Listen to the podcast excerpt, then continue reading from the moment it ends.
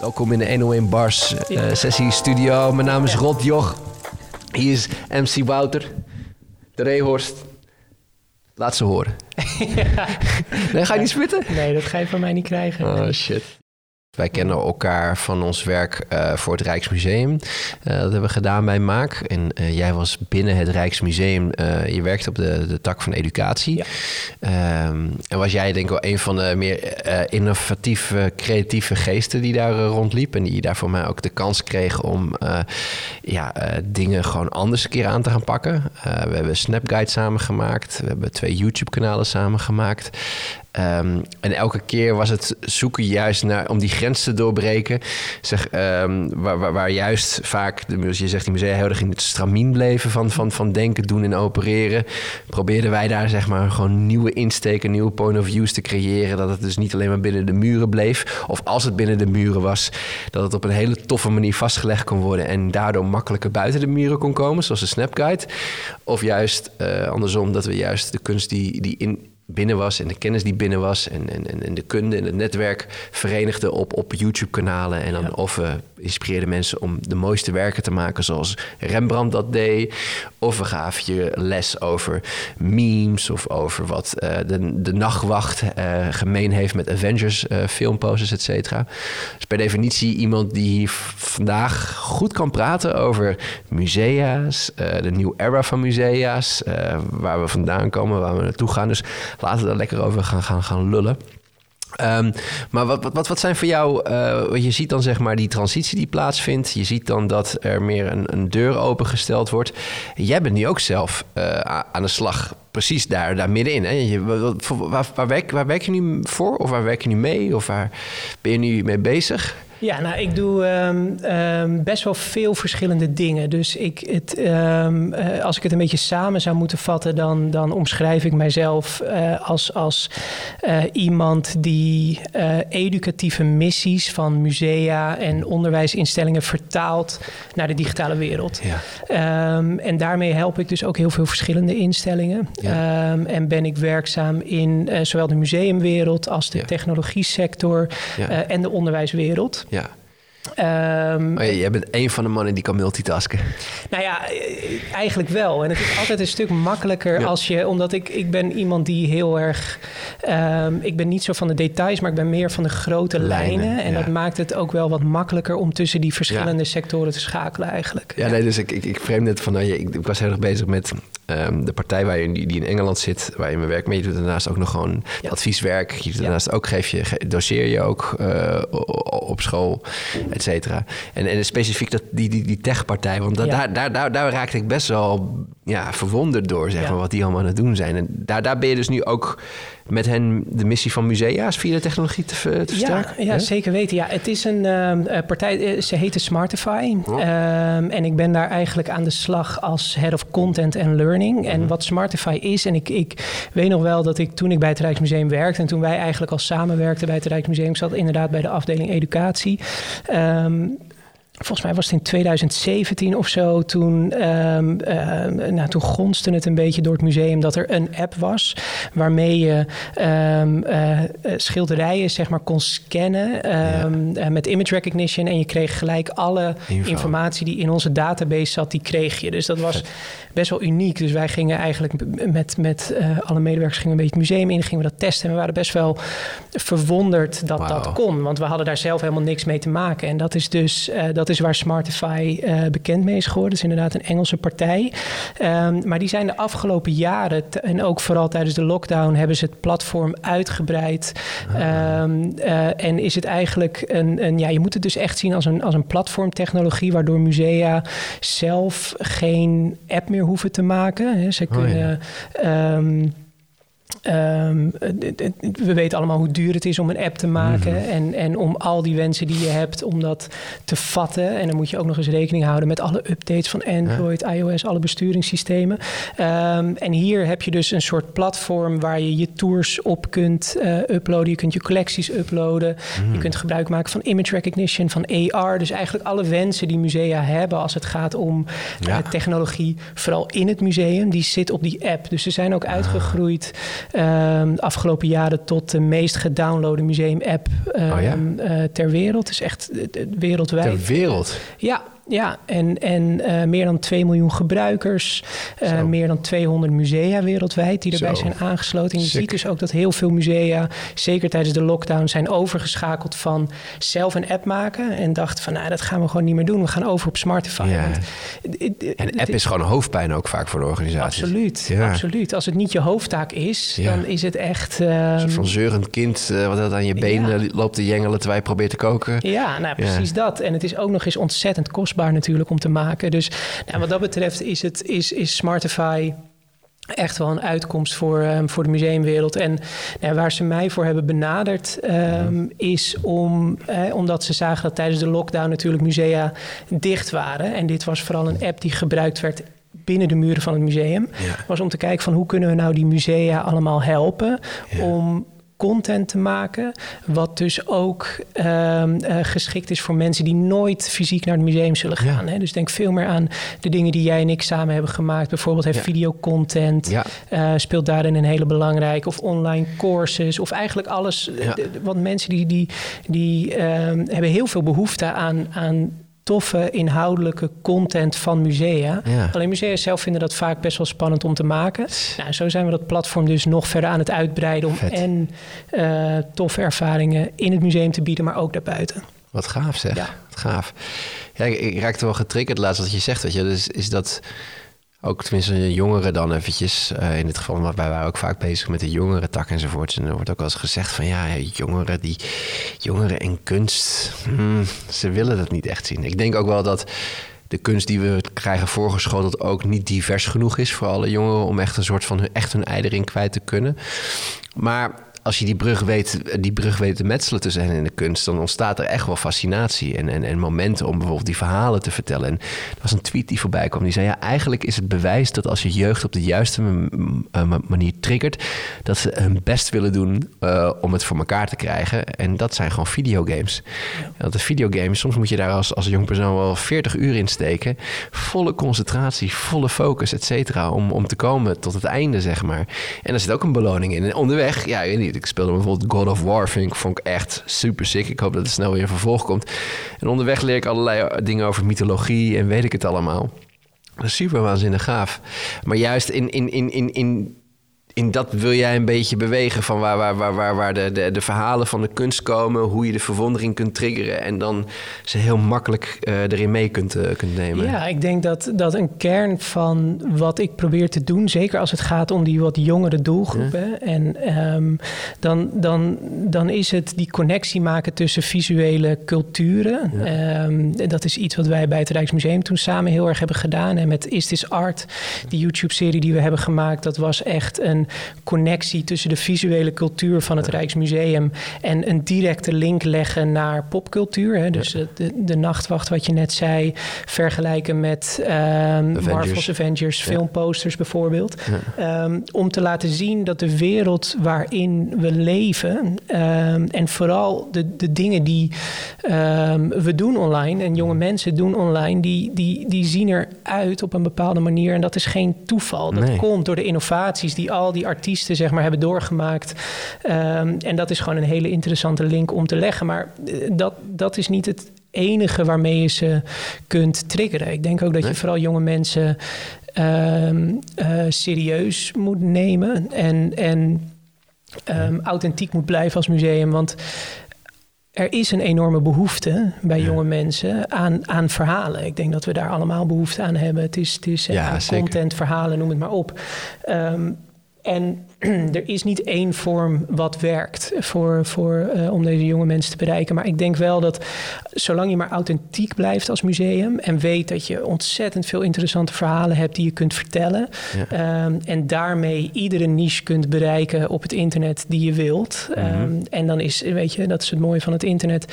Elke potentiële niche kan een miljoenenpubliek zijn. Ehm, Maar het, het, het valt en staat wel bij authenticiteit, denk ik. En ook de kijker ehm, eh, serieus nemen. Ik denk dat dat een hele belangrijke is.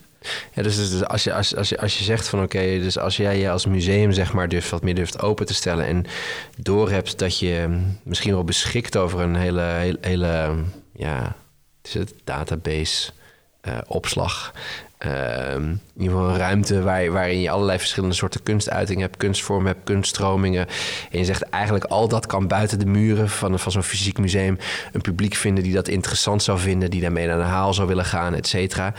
Zolang je maar die stap durft te wagen, zolang je maar de technologieën durft te omarmen en het publiek dat het moet zien, nu is het vaak nog de jonge mensen, maar later wordt het alleen maar ouder, gewoon super serieus neemt. Dat je mm. echt nadenkt over hoe, hoe, ze dat, hoe ze dat dan triggert. Maar ben je dan als museum een soort van. Want ik had een tijdje terug was ook met Van Gogh in, in contact. En die, hadden, die waren heel erg bezig met. Uh, dat is al heel lang natuurlijk, maar die IP-licenties en weet ik het mm. allemaal rondom hun kunst. Maar ja, ben je dan eigenlijk niet veel meer of als museum aan het transformeren van een soort van experience center naar een soort van IP-licentieur. Een soort van, een soort van een, een, een, ja, alsof je eigenlijk gewoon de verschillende platformen voorziet van de kunst die jij oont. En moet je meer uitgever eigenlijk van kunst. Ja, nee, dat is op zich best wel een goede vergelijking, denk ik. Ehm, wat interessant is, kijk even los van uh, IP, Neem me mee. Ja, IP-rechten, dat soort dingen allemaal. Dat is natuurlijk altijd best wel een ingewikkelde kwestie. Zeker ook voor het Van Gogh Museum. Ja. Um, en, en kijk, er is een soort stappenplan die ik meestal volg als ik samenwerk met musea. Als je dus hè, van Um, um, eigenlijk van, van je doel en je uh, verhaal, hoe je uiteindelijk komt tot, tot dat concept en, en platform en dat soort dingen allemaal. Het zijn een aantal stappen. Je begint altijd even los van het gebouw of, of, of je doelgroep. Um, begin je eigenlijk met het verhaal wat je wil vertellen. En dat is altijd een beetje dat je denkt van ja, maar we weten wel wat voor verhaal we willen vertellen. Maar het is toch altijd goed om, om daarmee te starten en dat even op te schrijven. Ja, noem eens een voorbeeld dat men toch wel denkt, ik weet wel hoe het is, maar dat je echt zegt van hey, check toch nog even dubbel. Nou ja, kijk, wat, wat um, een, een interessant is, is om de vergelijking te maken met um, bijvoorbeeld de filmindustrie. Dat is een vergelijking die ik vaak maak. Kijk, musea die denken dat ze ontzettend goed zijn in het vertellen van verhalen. En dat is op zich ook wel vaak het geval. Zeker in de fysieke uh, werkelijkheid. Ze kunnen prachtige tentoonstellingen maken. Kijk nu weer naar het Rijksmuseum met de slavernij-tentoonstelling. Uh, prachtig. Daar staan verhalen um, centraal. Nou, als ik dan kijk hoe ze dat doen op het gebied van online en digitaal, dan is daar vaak al een soort van. Er zijn wat meer hordes. Dus er worden vaak wel goede uh, marketingvideo's gemaakt om mensen naar een tentoonstelling te maken. Maar echte goede YouTube-content bijvoorbeeld. Mhm. Ehm, ja, daar ontbreekt het vaak nog aan. Dus als je de vergelijking maakt met de filmindustrie, hè, wat, um, wat, dat zijn natuurlijk de verhalenvertellers van onze tijd. En als je kijkt naar um, uh, Star Wars of, of, of, Harry Potter, noem het allemaal maar op, die hebben een story world. En, en een story world is iets um, wat je vaak in één zin kunt vatten. Dus bijvoorbeeld de story world van Star Wars is, uh, hè, daar beginnen ze letterlijk mee, iedere uh, film. Dus in a galaxy, of a long time ago, in a galaxy far, far away. Mm nou, dat is is daarmee zetten ze dus de hele storyworld al neer. En, en iedere spin-off, uh, of het nou een videogame is, of het nou uh, fanfictie is, of het nou een serie is op Disney Plus, alles past perfect in die storyworld die zij hebben gecreëerd, die wij allemaal supergoed snappen. En hetzelfde geldt voor Harry Potter. We kunnen de storyworld van Harry Potter kunnen we ook in één zin kunnen we vatten. Nou, en, daar, en, en als je start vanuit een storyworld, dus ook als museum, dus wat is nou precies het verhaal van mhm. jou als museum? Mm eh, ook al denk je van ja, maar het is wel duidelijk, want wij zijn het Van Gogh Museum, dus we vertellen het verhaal van Van Gogh. Maar ga toch maar eens hmm. specificeren, ga het opschrijven. Dat is je startpunt. En alles wat je doet, of het nou fysiek is of digitaal, dat moet binnen die story world passen.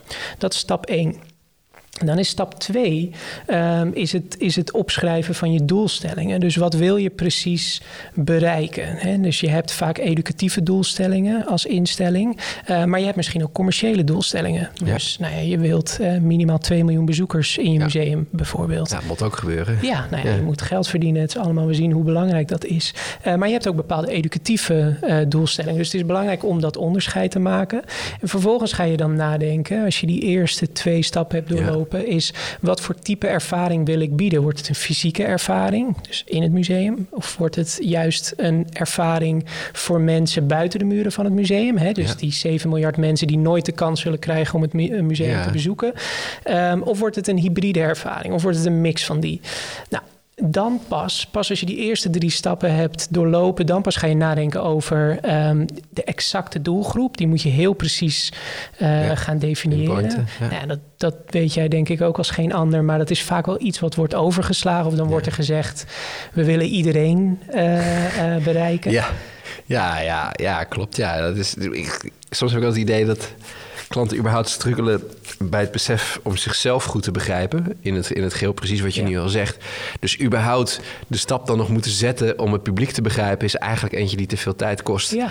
Weet je, ja. wij beginnen ook eigenlijk altijd aan het eind uiteindelijk. Dat is het makkelijkste. Ja, nou ja, en dat is iets wat ik, weet je, en daarin zijn er zoveel, weet je, ik, ik ben dan toevallig werkzaam in de, in de museumsector, maar ik denk dat dat overal wel, wel uh, hetzelfde is. Mm Nou ja, en Hè, dit is ook wel iets wat ik van jou heb geleerd. Maar hè, dus als je dus heel specifiek een doelgroep formuleert, dat betekent ook niet dat je dan niet uh, anderen bereikt, maar je hebt wel focus. En dat is denk ik heel erg belangrijk.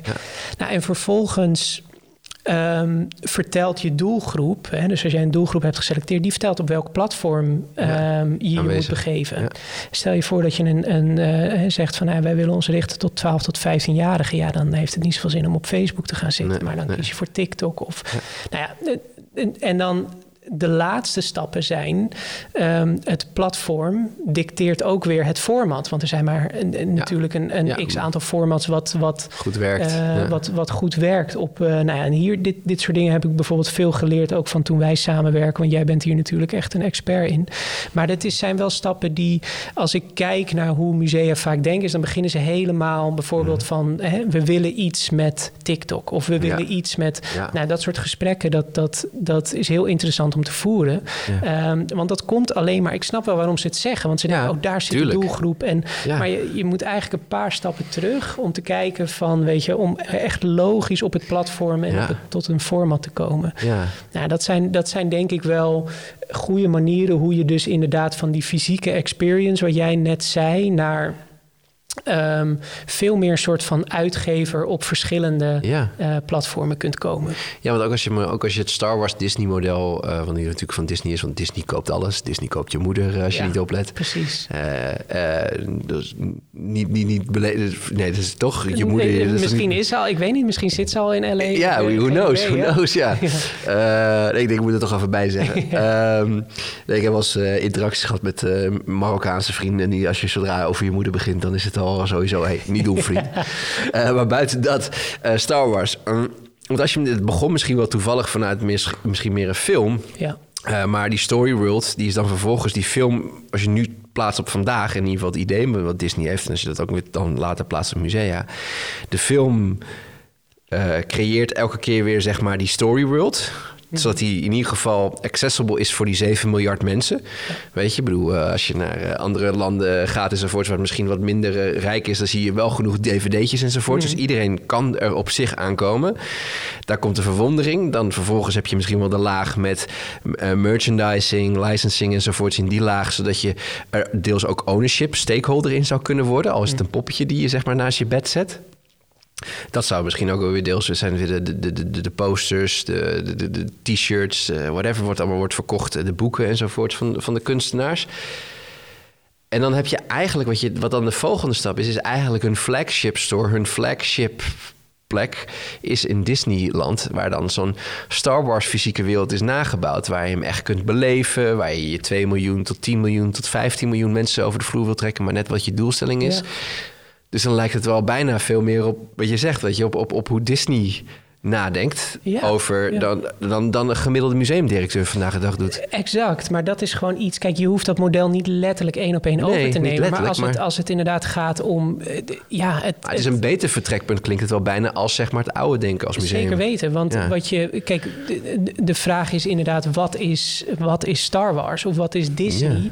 Dan is dat een, een veel complexere om te beantwoorden, want het gaat veel, erg over, veel meer over storytelling, over experiences dan. Ehm, de, de, vraag wat is een museum is voor veel mensen makkelijk te beantwoorden, omdat ze nog steeds in hun hoofd hebben dat het een fysieke plek is. Maar dat is het niet. Dat is het niet per se. Het, die, die fysieke plek is slechts één um, Voorbeeld. plek waar die ervaringen en waar die uh, interacties plaatsvinden. Ja. En dat is een hele interessante, denk ik, wat we gewoon echt kunnen leren van ja, de beste storytellers van onze tijd. Hè? Dus die, die, die Hollywood en, en uh, entertainment-industrie. Daar kunnen we gewoon als, als culturele sector ontzettend veel van leren. En dan zie je inderdaad dat het, het, het, het heeft ook met uh, toegankelijkheid te maken, met inclusiviteit te maken. Dat je dus uh, een museum hier in Nederland met een toegangsprijs van tussen de 15 en 20 euro is niet toegankelijk. Mm. Dat is niet, weet je wel. En dan kom je daar en dan heb je ook nog eens inderdaad allemaal witte mannen aan de muur waar je je niet mee verbonden voelt. Uh, tenzij je toevallig, ja, nee, maar tenzij je toevallig daar vandaan komt. En dan zelfs dat. Want kijk, het, het, is mijn cultuur, maar ik kijk ook naar die mensen en ik denk van ja, weet je, dat is ook niet, weet je, ik kom ook niet uit zo'n wereld. Dus het is allemaal best afstandelijk. En daarom denk ik dat je als museum, omdat je, we zijn publieke instellingen. Um, met een hele belangrijke missie. En daarom moeten we veel breder gaan denken. En moeten we echt die fysieke, uh, die, die drang naar dat fysieke moeten we los zien te laten. En tuurlijk, weet je, er gaat niks boven um, een museum bezoeken um, met je geliefde als je op vakantie bent. Natuurlijk, het heeft iets, het is iets en je, bent, je, je zit in een hele toffe sfeer. Um, maar daarnaast zijn er zo ontzettend veel meer mogelijkheden. En daarom denk ik dat het inderdaad goed is om, om ja, een, een, beetje buiten de eigen museumsector te kijken van hoe doen die beste storytellers van onze tijd dat. Ja, ik sta nog een andere parallel opeens. Vooral zeg maar gewoon de transitie die dan plaatsvindt en het loslaten van het centrale middelpunt wat fysiek is, waar je dan het product kunt uh, beleven enzovoort. Het, ook, het was ook een keertje rondom ijs, hoe dat is gegaan met, met, met, met, uh, met mensen en, enzovoort. Dus op een gegeven moment was het volgens mij... Uh, nou ja, altijd op een gegeven moment is ijs gewoon gezien als, een, als een, een, iets waarmee je iets kunt koelen. Iets waar je door dingen langer kunt bewaren enzovoort. Mm. Dus ik begreep was vroeger is wat ze deden... dat ze dan naar, echt naar ijs Schootse vaarden enzovoorts daar ijs haalden en dat meetrokken op hun boot om in de haven zeg maar dan te verkopen van, mm-hmm. van die stukken. Mm-hmm. Nou, toen kwam dan eh, de technologie die het mogelijk maakte dat er koelingssystemen waren. Maar die waren zo expensive en zo duur dat het allemaal in centrale loodsen moest zijn. Dus dat New York City bijvoorbeeld maar één zo'n loods of zoiets. En dan ging je dus niet meer naar de haven toe, maar ging je naar dat ding toe waar gewoon consistent ijs gemaakt kon worden. Op een gegeven moment, ik denk dat het eerst nog wel gebracht werd, daar werd gekoeld, maar later werd het misschien ook echt gemaakt. En dan ging je daar naartoe. En toen was op een gegeven moment de technologie gedemocratiseerd kleiner gemaakt, waardoor mensen koelkastjes en vriezers thuis konden hebben. En in één keer was dat niet meer echt nodig en uh, kon je het ook gewoon thuis ervaren en, en beleven. Ja, tenminste, het is ijs en kunst, maar nee, het is... maar dit is precies... Eh, eh, ja, het heeft inderdaad met toegankelijkheid, democratisering um, te maken. En um, dat zijn ontzettend belangrijke ontwikkelingen. En ik denk juist omdat iedereen nu, en nou is iedereen, niet iedereen heeft toegang tot internet, dus je moet daar ook altijd een beetje mee uitkijken dat je niet denkt dat je letterlijk iedereen kunt bereiken. Het zijn natuurlijk nog wel de mensen die, um, nou ja, een wifi hebben. Ja, nou ja, goed. Mensen die in ieder geval fortuinlijk genoeg zijn om, om uh, een, een internetaansluiting te hebben. Maar je, je bereik kan zoveel groter zijn. Ja. En dat is meer dan alleen je collectie online zetten. En dan maar verwachten dat dat voor iedereen is. Want dat, dat is het niet. Dan ben je er niet. Nee. Maar, maar, hoe, hoe, hoe zou je dan, als je, als je zo gaat nadenken als uitgever... of als je bereik buiten je muren enzovoorts te vergroten... Ik denk, ik denk dat het heel makkelijk ook creatieve, toffe voorbeelden te vinden zijn. Ik denk dat je er zo een paar kunt, kunt doen. Ik dus noem zo meteen maar een aantal. Maar ik was ook wel benieuwd naar... Zitten er ook nieuwe verdienmodellen in, zeg maar, voor uh, musea enzovoorts? En, uh, absoluut. Ja? ja, absoluut. Kijk, je moet niet vergeten dat ik denk dat uh, musea het hele exit through the gift shop idee hebben zij bedacht, hè, min of mm. meer. Dat is echt gewoon een standaard museummodel, weer in de fysieke werkelijkheid.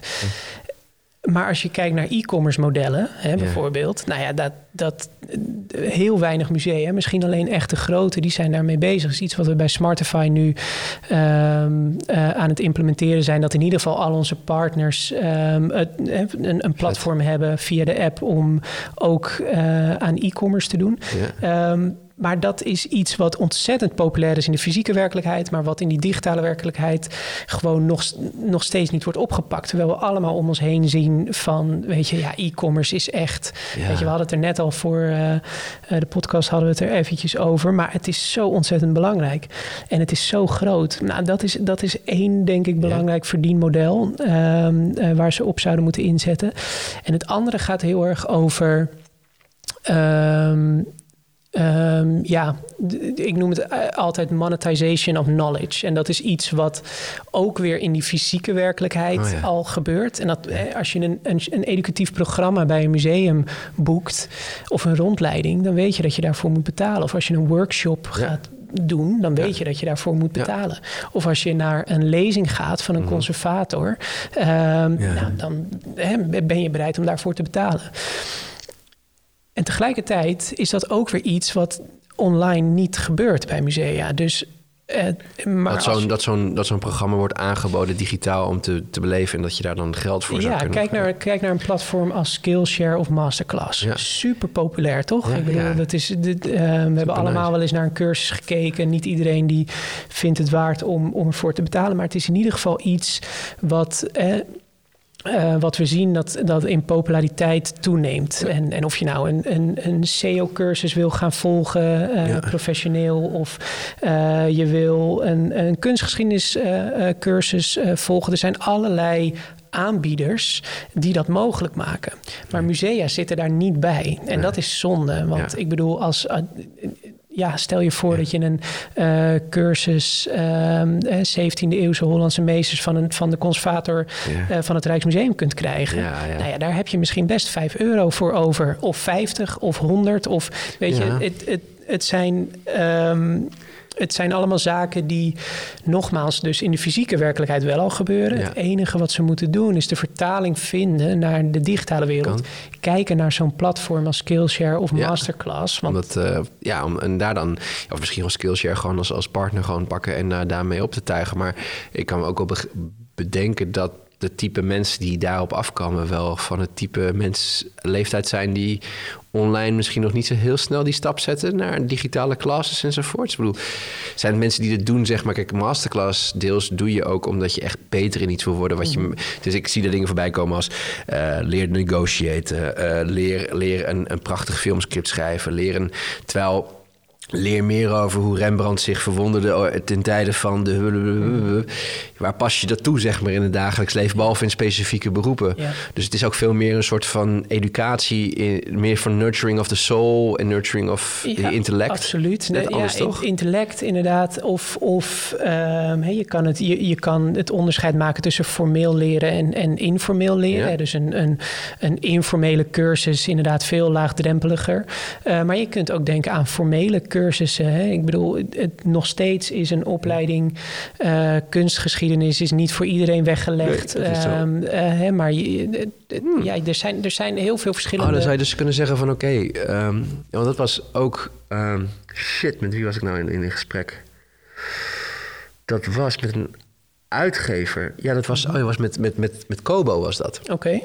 Ja, Kobo ken je denk ik wel. Ja, dat is wel bekend, ja. Dat is uh, die, die is gekocht door een Canadese, Canadese partij... die ooit is gekocht door Rakuten. Het nu Rakuten Kobo. En mm. zij hebben uh, um, e-boeken. En dan heb je ook zo'n ja. e-reader bij. En ja. is een hele library enzovoort. En zij gaven me aan aan bijvoorbeeld in een gesprek dat de diversiteitsslag die uh, gemaakt moet worden, zeg maar, uh, in, in de literatuur, uh, highlights een aantal bottlenecks, die, dingen die dat in de weg zaten, bijvoorbeeld. Um, en dat heeft ook onder andere te maken met, ja, weet je, het team achter de schrijver. Weet je, de mensen die redigeren, de mensen die, weet je, misschien wel de vertaling doen of de vertalers zoeken of het hele marketing of whatsoever. En, um, en die gaven voor mij vooral op het stukje van de redacteur, hoe noem je dat, redacteuren die redigeren dan, die met je meelezen. en die zei, ja, die opleiding om dat te doen... en die opleiding die dan in die conservatieve wereld... wordt gezien als de enige manier zo'n beetje om te komen op die plek... Uh, is vrij duur, zeg maar. Is vrij afstandelijk. En dat is dus een van de bottlenecks die ervoor zorgt... dat het moeilijker is om bijvoorbeeld diversere werkforces... in uitgeverslandschap te creëren. Dus deels wat je misschien ook stelt is dat... Um, als je de kunstgeschiedenis dus... Uh, meer accessible maakt als, als, als leer, leercursus om tot je te nemen, zou je ook andere doelstellingen ook nog kunnen kunnen helpen misschien wel. Ja, ja. nee, ja, en dan kom je weer terug op dat democratiseren, op toegankelijk maken. Maar en dit is daar een onderdeel van. En tegelijkertijd is het wel zo dat als je zo'n cursus zou maken, je zou dat aanbieden op Skillshare. Of, en het, dit kan ook een veel praktischere cursus zijn. Hè? Ik bedoel, wij hebben samen tutorials gemaakt voor het Rijksmuseum. Hè, dus dus How to Paint Like Rembrandt, noem het allemaal maar op. Ehm, ook dat is iets. En toen hebben we de keuze gemaakt om dat gratis te doen. Het was een andere tijd. Um, maar nu zou je inderdaad kunnen zeggen van nou waarom zetten we dat niet op Skillshare? Ehm, en maken we daar betaalde cursussen van? Want in de fysieke werkelijkheid is het ook betaald. En mensen hebben daar echt wel geld voor over. Dus ik denk dat er superveel kansen zijn voor nieuwe verdienmodellen. En er zijn ook wel een aantal musea die daar ehm, binnen die wereld zich begeven. En, en ehm, uh, maar dan zit het hem vooral nog wel in ja, live courses via Zoom. En vaak iets minder inspirerend en iets minder. Uh, ik, ik, ik vind productiewaarde altijd wel belangrijk en kwaliteit. En dat heb je met die Zoom-classes nee, altijd niet. Nee, je kunt, je, kunt, je kunt niet zoiets doen via Zoom. Weet je wel, misschien. Uh, als je luistert naar een of andere professor waarbij je alleen maar moet kijken naar zijn mond die beweegt, oké, weet je wel. Maar als je echt praat over detail kunnen laten zien, bewondering kunnen laten zien of de hele context kunnen laten zien, dan ook, ook denk ik ook wel omdat het live is. Weet je, dat is ook voor veel mensen is live is nog best wel moeilijk als er een digitaal scherm tussen zit. Is liever dat je de persoon die de cursus geeft de tijd en ruimte geeft om dingen op te fucken, om het niet juist te doen. Dan ook al vaak binnen musea's, voor museumswerk heb je ook ergens het gevoel dat het allemaal elke keer bijna perfect moet, weet je. Want uh, de grootmeesters kijken mee over je schouder, weet je wel. Ook al liggen ze in hun graf. Ja. Dus dat lijkt me best wel een uitdagend uh, iets. Maar interessant, dus je zegt van oké, weet je, dus als je A, uh, musea die zouden dus kunnen gaan kijken over hoe ze hun exit to the gift shop um, kennis en kunde zouden kunnen toepassen meer in een e-commerce setting, meer online en misschien wat wel zometeen social e-commerce enzovoort speelt er ook een rol in. Alhoewel musea hebben daarin wat het betreft wel de beste fysieke funnel een beetje die, die je maar kunt bedenken. Als in van je, je gaat ergens naartoe, je wordt opgezogen door het museum, je wordt je, alle verhalen komen op je af. En dan kom je bij het winkelmandje en je bent bijna wel een lul als je er bijna niet iets in ingooit. En dat is online, die, die, hele, die hele funnel voor museum met al, al die verhalen. Dat, dat, dat wordt nog niet gedaan. Hè? Want dan, dan kijken ze te veel denk naar een bol.com of zoiets. Ja. En dat is natuurlijk veel onpersoonlijker. Want dan wordt dat. dat en, en, maar inderdaad, hoe je zo'n funnel wel kunt creëren. En dan kom je weer terug op goede content maken. Ik bedoel, volgens mij is dat nu op YouTube ook. Is dat je. YouTube heeft nu ook zo'n integratie van. Ja, kan je een uh, product kopen. Ja. ja. nou ja, weet je, dat zijn. Stel je voor dat jij een, een super tof verhaal maakt over de zonnebloemen van Van Gogh, weet ik veel wat allemaal. Um, en je hebt het inderdaad voor YouTube gemaakt. En tegelijkertijd bied je daar je producten ook aan, die, die je ook weer hè, terug ziet komen. Want kijk, een heel mooi voorbeeld van mezelf vind ik altijd, of niet een voorbeeld van wat ik zelf heb gemaakt, maar een ervaring die ik zelf heb gehad, is dat ik toen ik nog geschiedenis studeerde, eh, toen gingen we met mijn uh, studiegenoten naar Brussel en gingen we naar het René Magritte ehm, eh, museum. En, en um, daar had je dat schilderijtje van die pijp met die tekst eronder van dit is geen pijp in het Frans. Ja, um, en, en, c'est pas une pipe? Ja, ce n'est pas une pipe. Oh, piep, uh, ja. ja. Um, en ik, ik, dus ik keek naar dat schilderij en ik wist een beetje, een beetje context, maar niet heel veel. En het was het was meer van, oh ja, ik zie een soort van celebrity, want ik ken dit schilderij is beroemd en zo. Dus die ervaring was heel tof. Maar verder was het een beetje een teleurstelling, want er was verder ook weinig tekst of, of content of, of context eigenlijk. Um, dus het was een beetje een teleurstellende ervaring. Een paar jaar later, toen. Um, Um, uh, zag ik een video van uh, nou, Nerdwriter, zijn we allebei best wel fan van ja, uh, op YouTube. en die had een video gemaakt over dat schilderij. Ah. En die video was een veel rijkere ervaring voor mij dan de fysieke ervaring in het museum. En het was natuurlijk wel leuk dat ik die link kon maken. Um, maar dat maakt dus dat ik die, diezelfde ervaring die jij net schetst van uh, die funnel die je door het Rijksmuseum of door een museum hebt uh, en exit through the gift shop en je bent helemaal verwonderd en weet ik wat. Ik weet zeker dat als een nerdwriter ja. onder zijn video daar wat, wat, wat um, al is het een printje, al is het, oh. had ik hem sowieso gekocht. Ik zou, wat je gewoon doet is dan, je gaat gewoon naar Nerdwriter. Je zegt, oké, weet je wel, uh, we weten dat je een groot fan bent. Ik noem eventjes van, uh, dus van Van Gogh. Uh, nou, wij zijn de partij die jou de, de, de, kans kunnen bieden om alles te bedenken en te doen met Van Gogh wat je wil. Ja. Wij zouden het heel tof vinden om een fysiek product te creëren. En jij krijgt al onze specialisten. We gaan een vierdelige docu maken op jouw kanaal. Krijg je ook geld voor om dat te mede te financieren. Ja. Maar je moet het wel brengen als een unicum, weet je. Dat een soort van de, de, de normale ding doorbreekt.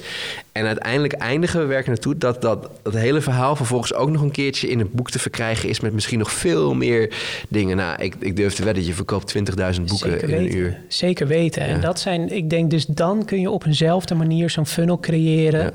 Ehm, en dit is dan met Nerdwriter, maar als, als museum, als je zelf goede content maakt, dan kun je dat ook zeker weten doen. Het gaat er gewoon om dat je continu die connecties maakt en, en dat mensen ook snappen dat je op eenzelfde manier dat je het museum steunt fysiek. Als je weet van, nou ja, ik koop even een, een, een koelkastmagneet van uh, meisje met een parel of weet ik veel wat allemaal. Ehm, ze snappen ook dat dat via e-commerce ook hetzelfde werkt. Weet je, het is onderdeel van het steunen van een museum. Jij hebt een leuke herinnering.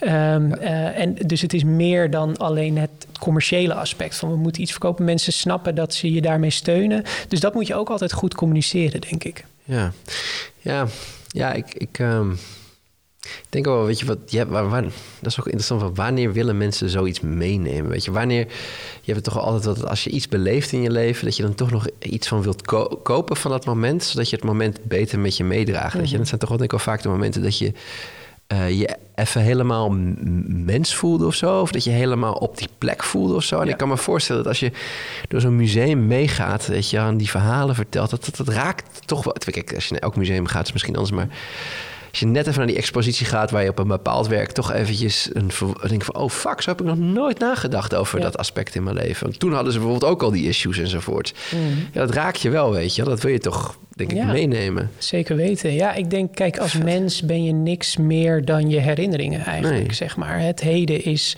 is een heel smal, nou iets. Ja. Ehm, en de rest is toekomst of verleden. In het verleden zijn je herinneringen en, weet je, souvenirs of... of, of eh, en dat is natuurlijk het, het mooie van wel zo hè, fysiek in een museum zijn. Het is altijd een bijzondere herinnering. Iets wat je wel, als je het leuk vindt, in ieder geval wilt onthouden.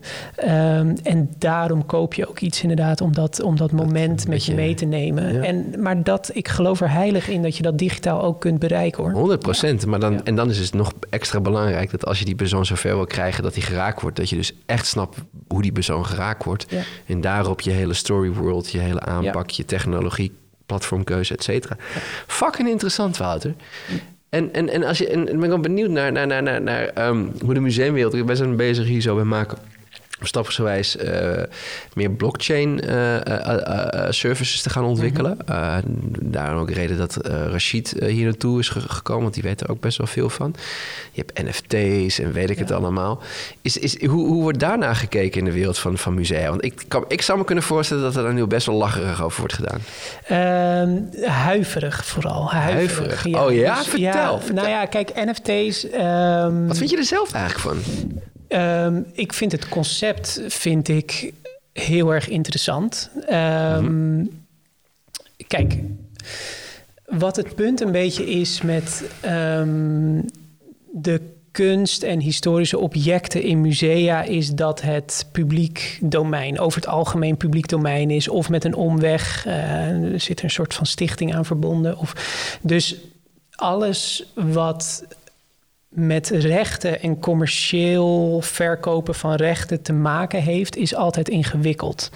Um, nu is het natuurlijk zo, en ik zit er niet. Maar is het, is het ingewikkeld vanuit puur rechten dat wie van wie is wat? Of? Nou ja, kijk, op het moment dat jij, um, laten we even een heel bekend werk nemen. Want dit was ook iets wat een paar maanden geleden speelde. Dan was er een partij en die begon open access, uh, dus open data uh, collecties, begonnen ze te verkopen als NFT's. Nou, oh, ja. en dat is natuurlijk iets wat in principe ah. in strijd is met, met open data sowieso. Hè? Dus um, uh, nou ja, bijvoorbeeld de werken van.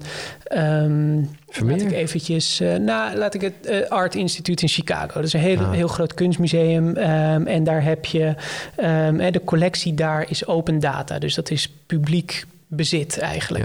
Nou, op het moment dat jij um, uh, Nighthawks van, van Edward Hopper bijvoorbeeld zou gaan... Uh, Nighthawks, is dat die ene met die, die bar, zeg maar, die, die, bar. die leeg is? En, ja, en je ziet een man eenzaam aan de bar en, en nog een stelletje ook. Zeg, prachtig schilderij, een van, van, van mijn favorieten. op het moment dat jij iets wat publiek domein is... Um, um, gaat verkopen. Wat die partij dus deed. Hè? Dus misschien niet specifiek met dit schilderij, maar wel andere schilderijen. Um, dat, dat kan natuurlijk niet. En met NFT's is het heel erg belangrijk dat de herkomst, hè, dat de eigenaar van dat kunstwerk, dat dat ook echt daadwerkelijk de eigenaar is. En daar komt documentatie bij kijken. En dan weet je ook dat je echt um, iets hebt gekocht. Want in principe open data, dus open access mhm. collecties, wat met name oude kunst is bijna allemaal open access. Dat kun je gewoon niet als NFT, kun je dat... Nee, die, oude, uh, die oude kunst kun je niet, niet, niet, niet, niet omtoveren nee, daartoe, nee. Dus, um, en dat is ook iets waar musea op, zich, op tegen zijn. En dat snap ik ook heel goed. Um, tegelijkertijd kun je ook de vergelijking maken met, maar hoe zit het dan met prints verkopen in je ja, uh, giftshop? Ja, je kunt unieke, unieke versies maken enzovoort, nou ja, bij wijze kijk, van. Um, van datzelfde schilderij van Edward Hopper, als je dus naar de giftshop gaat van het Art Instituut, en dan kun je gewoon overal kun je die prints kopen. Dan koop je nog steeds niet het origineel, maar je koopt wel een afbeelding van het origineel. Dat hang je op in je huis. Nou, daar is nog wel wat voor te zeggen van, is het niet meer daarmee um, uh, vergelijkbaar? Maar ja, aan de andere kant is het ook wel echt een uniek stukje uh, van de digitale versie die je koopt, die alleen jij hebt. Ja. Uh, dus dat, dat, die vergelijking gaat niet helemaal op. Nou, dus ik denk dat, dat daar in die hoek, zeg maar, hè, van, van, van open access is het lastig. Wat wel inderdaad een hele interessante mogelijkheid is, en waar ik denk dat musea ook wel voor openstaan, is de inderdaad hedendaagse uh, kunst, samenwerkingen met, met hedendaagse kunstenaars. Um, misschien e- echt NFT-kunstwerken maken. Echt puur met dat doel. Waarmee je dus ook weer hè, de opbrengsten ook weer terugvloeien naar het museum en naar de kunstenaar. En weet je, dat, daar zit nog wel, denk ik. Zin. Uh, maar je hebt natuurlijk ook musea's die zeg maar vooral met oude collecties werken. Maar je hebt ook musea's schaffen toch altijd wel weer nieuwe werken aan. Ja. Soms ook oude werken, maar ik ook wel van nieuwe kunstenaars. Ik denk ook Rijksmuseum pakt ook zo nu dan dingen die vandaag de dag zeg maar tekenen. Um, Um, en daar, in, dat, in die void, zit denk ik wel mogelijkheden. Want ik denk, bedoel, je, je, jij zult veel weten over Rembrandt. Um, als Rembrandt vandaag de dag had geleefd, zou die op Twitter zitten en meegaan in de NFT-craze. Weet je, het, klonk als een ondernemende gast. Of iemand die... Zeker weten, ja, want hij, hij, had, hij was ook echt een, een verzamelaar. Hè? Dus hij, oh, ja? Uh, ja? bijvoorbeeld um, Hercules Segers was echt zijn held. Dus hij ja. had superveel, een hele mysterieuze kunstenaar is dat. Is dat die met die, uh, waar we ook een aflevering van hebben gemaakt, van die Mindhunter? Ja, heel monochroom. monochroom, ja, de kleurenpaletten enzovoort. Ja, ja, prachtig. Ja, hadden we de vergelijking gemaakt tussen David Fincher, hè, dus de regisseur, die werkt heel veel met monochroom kleuren, mhm. blauw en geel. In zijn, uh, iedere scène uit zijn films of series is of blauw of geel. Moet je maar eens opletten inderdaad als je dat zit te kijken. Um, en Hercules Segers die deed ook zoiets. Die maakte dus ook monochrome werken. In, in, dus een, een, schilderij was helemaal in één bepaalde toon. Was echt prachtig. En Rembrandt verzamelde zijn, uh, zijn werk, maar hij, hij verzamelde veel meer. Um, dus ik denk zeker dat als hij in deze tijd geleefd zou hebben, dat hij um, uh, dat heel interessant had gevonden. Ja. En wat ik denk dat uniek is, is dat, kijk, de, de visuele cultuur van vandaag en internetcultuur. Um, is natuurlijk een hele bijzondere cultuur. En als je kijkt naar wat er gecreëerd wordt en ehm, eh, bepaalde memes, weet je, die viral zijn gegaan, die we allemaal kennen. Ja, Charlie uh, Bit My Finger bijvoorbeeld. Ik weet niet voor hoeveel die is verkocht, ja, maar... volgens mij zes ton of zo. Jesus. Ja, het is echt... En, en dat is niet zo heel gek, want het is een, een visueel icoon van onze tijd. Begin van YouTube. Ja, het heeft, het heeft waarschijnlijk meer bezoekers gehad dan de Mona Lisa. Precies, precies. Dus daar eigenaar van zijn. Ja. ja, dat lijkt mij een hele goede investering. En al is het, het kan, je kan een commercieel doel hebben dat je denkt van, nou, ik ga dat ooit weer. Dus, dus de Rembrandt zou, zou gewoon memes en virals opkopen. Ik, ik, het zou me echt niks verbazen, omdat die zo sterke, dat zijn zulke sterke iconen van onze visuele wereld. Ja, Want hij was op zich ook wel van een geintje, toch? Of was dat van Gogh nou die dat skelet met dat, die, die sigaret uh, had gemaakt? Ja, dat is van Gogh inderdaad. Maar Rembrandt die, die, ja, nee, die, die, die experimenteerde er ook op los en die hield hield inderdaad ook wel van, van chockeren en eigen gang gaan. En wat dat betreft ook wel van het. Kijk, dat is ook altijd de kern van wat maakt echte grootmeesters. Nou, grootmeesters is dat ze iets anders deden dan de rest. En dat ze dus een hele eigen stroming op gang hebben gezet. Hè. Dus er is een, een, een periode van kunst voor Rembrandt en een periode van kunst na Rembrandt. En er is een periode van kunst voor Van Gogh en een periode van kunst na Van Gogh. Ze deden iets unieks en ze gingen hun eigen gang. En um, ja, ik denk dat dat, dat, um, ja, dat maakt hen echt heel erg groot. Ja, grote stijl. Maar en wat, nou, wat ik wel interessant dan ook wel zou vinden... is als je ook kijkt naar die parallellen van de grootmeester. Ja, bedoel, we gaan een beetje alle kanten op. Maar is als ik bijvoorbeeld ook nu kijk naar die NFT-wereld. Ik, ik vind het gewoon...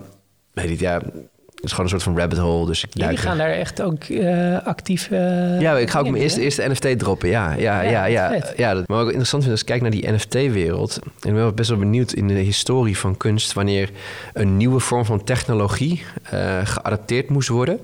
Maar dat je het alleen maar kon adapteren of als je het geld had mm. om, om het te kunnen aanschaffen. Zoals wat je in, in de beginperiode van fotografie is gebeurd natuurlijk. Ja. Of dat je kennis zo ver gaat dat je, dat, je, dat je vanuit kennis gewoon de access kunt krijgen. omdat je de enige bent in de omgeving die, die het kan of zoiets. Of whatsoever. Dat is bij NFT, blockchain zo. Want in basis, maar als je gewoon een computer hebt en access. en je snapt gewoon bepaalde basisdingen. Mm. dan kun je al vrij ver komen, al ben je niet heel rijk. Maar wat ik nu heel zie bij NFT is omdat dan zeg maar of de technologische experts die het heel goed snappen, of de mensen met geld die het snappen, dat, dat, dat de heel veel kunst wordt gemaakt nu, NFT-kunst, omdat het een soort van cash cow ook een beetje lijkt. Mm. Het is niet per definitie mooi. Het is niet, er, zit, er, zit niet, er zit vaak weinig verhaal achter. Dus laatst had je, voor mij, Bibel was dat of zo. En mm. Bibels verhaal is dat, excuus, is dat hij voor, voor videoclips en voor live performances op die grote schermen, zoals Tomorrowland-achtige stages, fantastische visuals maakt enzovoort. En die ging dus nu ook NFT's maken. En daar heeft hij best wel veel geld mee verdiend. Maar die NFT's zijn gewoon fuck. Ja, ik vind die mooi. Weet je, het is gewoon een piramide en een bitcoin doen we erin. En echt gewoon, we omarmen de nieuwe wereld. En we zeggen fuck you tegen de oude wereld. En elke keer is dat het een beetje. Weet je, ik zeg niet dat alle. Maar wanneer wordt het leuk? Wanneer wordt het mooi? Wanneer wordt het uniek? Ik heb het idee dus dat nog de echte talenten zich nog niet helemaal daarin laten vinden, omdat die nog bezig zijn om het überhaupt access te vinden of het te snappen. Ja, nou ja, kijk, dat is volgens mij. Zijn er parallellen misschien ook te trekken met vroeger? Ja, ik denk, ik denk sowieso. Ik denk met ieder nieuw medium is er altijd een moment dat um, vooral nou, er zijn een paar uh, uh, modellen die je hier misschien op kunt toepassen. En het eerste is, is dat um, uh, je hebt zoiets als de Gardner Hype Cycle for Emerging Technologies. Dus dat even los van de kunst.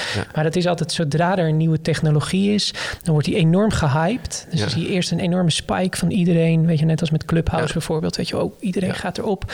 Uh, en op een gegeven moment krijg je dan de slope of disillusion, heet dat volgens mij, dat mensen een beetje teleurgesteld of erop uitgekeken raken. En dan krijg je de slope of enlightenment. En dat duurt meestal al een paar jaar voordat hij weer omhoog gaat en dat de toepassingen worden gevonden um, uh, die echt goed zijn. Als je kijkt naar ah. VR, is dat, die zit nu in die slope of enlightenment, omdat er heel veel goede toepassingen bijvoorbeeld in de medische sector worden gevonden. Nou, dat is denk ik met NFT's zit een beetje op dat, dat zijn we net over dat puntje misschien van dat hij enorm gehyped werd um, een paar maanden geleden. Dat veel mensen Ehm, die gaan er nu een beetje in teleurgesteld raken. Maar dat is een soort van. Dit is een soort iets wat je bij iedere technologie. Het is ook met uh, opleidingen toch zo? Gewoon altijd even kijken wie het eerste jaar overleeft. Dan maken we even kut. En dan blijven degenen over die, die, die er echt mee aan de slag gaan. En die, laat, die doen de dingen mee met de kennis Precies, die precies. ertoe doen. Ja. Ja, en dat is, dat is exact dit. Dus dat is heel eventjes vanuit technologie ehm, eh, bekeken. En als je dan kijkt naar, naar ehm, echt puur specifieke innovaties in de kunst en nieuwe technologie in de kunst, dan is het inderdaad zo dat met iedere innovatie dat er heel erg wordt gekeken met een oude blik naar die naar die specifieke uh, innovatie. En dan wordt er eigenlijk gekopieerd mm. um, uh, wat er met dus die oude technologieën werden gedaan. Ja. En die, werden, die worden dan gekopieerd op um, uh, die nieuwe technologie. Neem fotografie als voorbeeld. de eerste foto's die werden gemaakt, allemaal, dat zijn allemaal portretten. Zoals ja, je die dus ook op schilderijen zou zien. Dus je begint op een nieuwe technologische platform of toepassing vanuit je comfortzone, omdat zoveel andere dingen exact. al zo lastig ja. zijn om te graspen ja. überhaupt. Ja, net als weet je, de eerste auto's bijvoorbeeld, die werden vormgegeven letterlijk als een koets. Met dus de bestuurder die zat buiten voor, met, met een motortje voor hem. En, weet je, en, en, en gewoon omdat het concept van auto, dat konden ze alleen begrijpen vanuit het concept van een koets. Het concept van fotografie kon men alleen begrijpen vanuit het concept uh, schilderkunst. Nou, en pas, dus dat heeft jaren nodig om, om te ontwikkelen. Met NFT-kunst, en ik zit er niet zo heel erg in hoor, dus ik, ik, ik heb er... Neem je een keertje erin mee met uh, mijn broer, is echt leuk. Ja, ja, nou ja, weet je, ik, ik kan me heel goed voorstellen dat dat nu ook aan de gang is. Dus ja. dat er heel erg met een blik gekeken wordt van, uh, vanuit Um, he, de visuele cultuur van het internet. Net wat jij net zegt van he, wat die Beeple heeft gedaan. Van oh, we pakken een bitcoin dit en doen dat. En, ja. en, en um, he, dat je dus heel erg vanuit die... maar dat er dus nog niet echt de meerwaarde is gevonden van, van, um, van wat deze technologie voor toegevoegde waarde aan de kunst zou kunnen hebben. Ja. En dat heeft denk ik gewoon echt een, altijd een paar jaar nodig ja. hoor, om dat uh, te vinden. Ja, ik denk wel dat de technologische processie ervoor zorgt dat, dat, dat er meer mensen in kunnen tappen. Dus de collectieve groei zal sneller gaan. Dus ik denk dat, ik, dat die groei elke keer sneller gaat. Ja. En NFT's is trouwens, ja, die komt nog in een hele andere laag terecht. Want NFT's, iedereen, veel mensen plakken nu op, op kunst. Maar ja, uh, huizen, verzekeringen, auto's, je kunt er zoveel, je kunt er eigenlijk van alles op verkopen ja. enzovoorts. Dus daar zitten ook nog heel veel dingen. Ja, interessant man, gaaf, gaaf. Leuk om eventjes zo snel zo'n deep dive even te doen in, in, in, in jouw hoofd. En uh, waar, waar, waar ja, de wereld waar die nu staat en de wereld waar die stond. En de rol van musea tot audience en tot, tot de doelstelling die ze hebben. Misschien nog wel interessant, gewoon, gewoon bedoel... Uh, ja, ik weet, ik weet niet uh, mijn vrouw die noemt me soms wel eens uh, angstig. Ik zeg, nou, voor mij ben ik meer realistisch, zeg mm. maar. Uh, ik denk dat ik een iets andere, niet een wappie-norm. Ik vind trouwens het woord wappie vind ik trouwens zo'n klote woord. Want ik vind dat je daarmee heel veel mensen denigreert. Mm. Al ondanks dat ze bepaalde acties doen waarvan je denkt, hé hey, gast, niet zo slim.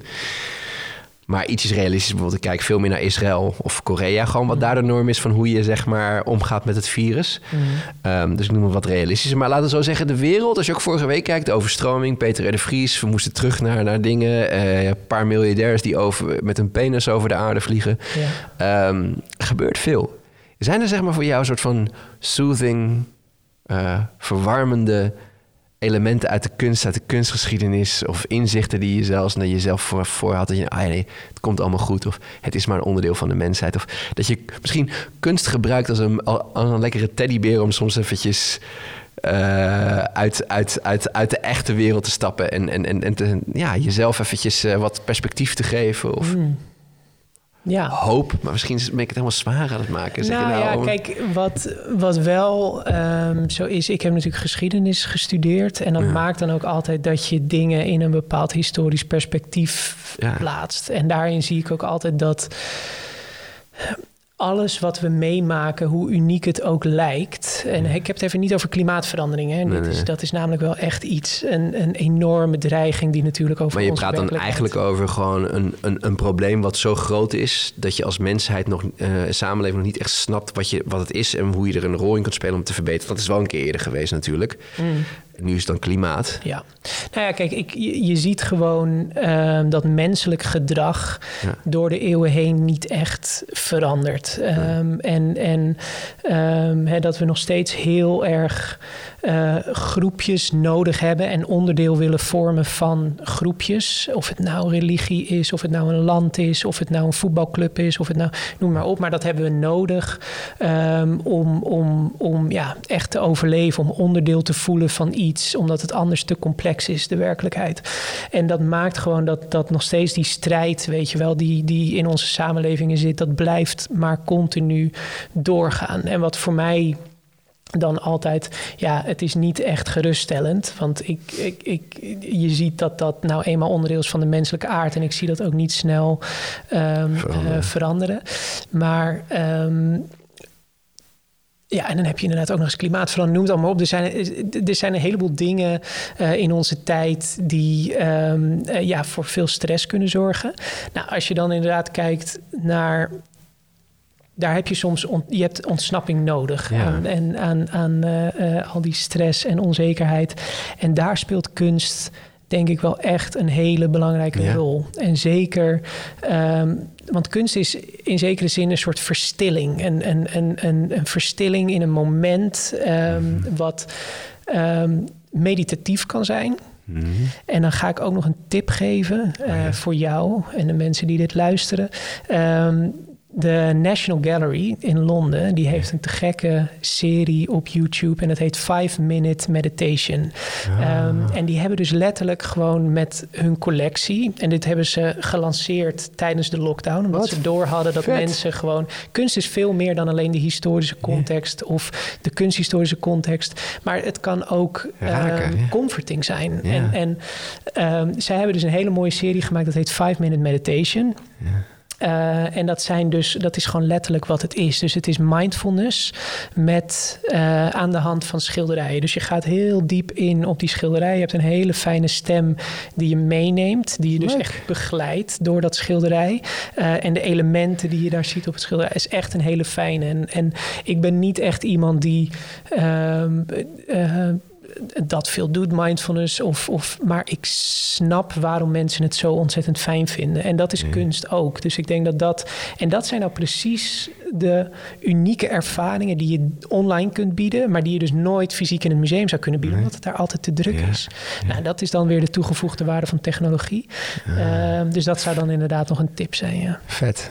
Dus eigenlijk, eigenlijk is het zo dat je dat een mooie, een mooie stap zou, zou zijn in tijden als deze. Dat je als museum zou kunnen nadenken over hoe kun je ervoor zorgen dat mensen jouw kunst op de meest intieme momenten mee kunnen nemen in hun leven. Zodat ze naar eigen gelieven de interactie ermee kunnen hebben die het beste voor hen is op ja. dat moment op een eigen tijdlijn. Ja, want de schilderij Vet. van Van Gogh, weet je wel, net als met, met uh, dit, dit voorbeeld van de National Gallery deze ervaring, 5 Minute Meditation, is een mindfulness ervaring, is slechts één ervaring wat ze met dat schilderij bieden. Ja. En tegelijkertijd heb je nog duizend andere dingen die je kunt bieden daarmee met hetzelfde schilderij. En dan hebben ze er miljoenen hangen. Dus kan je nagaan. Want de mogelijkheden zijn echt eindeloos. Ja, ook zo vet als je gewoon op je telefoon misschien als een soort van print gewoon met die NFC, dus niet NFT, gewoon, gewoon ploep. Nu wil ik hem eventjes mooi op, op het grote scherm, waardoor het net lijkt of het schilderij mijn kamer op een andere manier ja. een, een vibe geeft.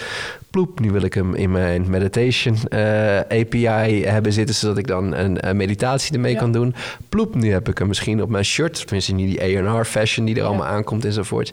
Wauw, dat is eigenlijk nog... Ik, jeetje, ja joh, in plaats van, ja, ik, ik word soms wel zo moe van in, dat we heel erg bezig zijn met behoudend van nog een beetje vasthouden wat we hebben zo, terwijl Limburg dan overstroomt. En ik bedoel ook meer politiek gezien en meer maatschappelijk. Terwijl als je, en dat zie ik nu ook een beetje bij instanties die komen vanuit de oude tijd, die soort ook heel spannend vinden. Ja. Subsidies gaan naar beneden en weet ik het allemaal van, we moeten behouden wat, wat, wat we nog kunnen doen. Maar juist als je dan het opengooit, dan ja. denk ik niet wat je nu doet. Ik denk, oh wauw, eindeloos zijn er nog, zijn nog eindeloos, ja. mogelijkheden ermee. Ja, en ik denk dat we die transitie zeg maar moeten maken in Vet. alles wat we doen. Weet je, zoals ja. we de, de, de, de vleesindustrie zeg ja. maar, die moet echt helemaal op de schop. Uh, ja, maar die is ook behoudend aan het spelen. Van dat ze toch overeind kunnen houden van wat ze mogen. En ook logisch. Ja, en, en ik denk dat we dat iedere sector nu, zeg maar, dit is het moment van transitie, omdat we overal om ons heen zien dat het echt niet anders kan. En ehm, eh, ja, weet je, dan, dan eh, Limburg is daar een voorbeeld van. Corona is daar een voorbeeld van. Het, het, het moet nu allemaal anders. En we moeten echt. Um, nou, en dat geldt, dat geldt voor de museumwereld. En die spelen natuurlijk een heel ander soort rol in, in, in de maatschappij dan ja. uh, een vleesindustrie. Maar dit is wel het moment voor verandering. Vet. Ja. Vind ik een hele mooie om mee af te sluiten. Okay. Een moment voor verandering. Ja. Thanks, Wouter. Graag gedaan. Yes.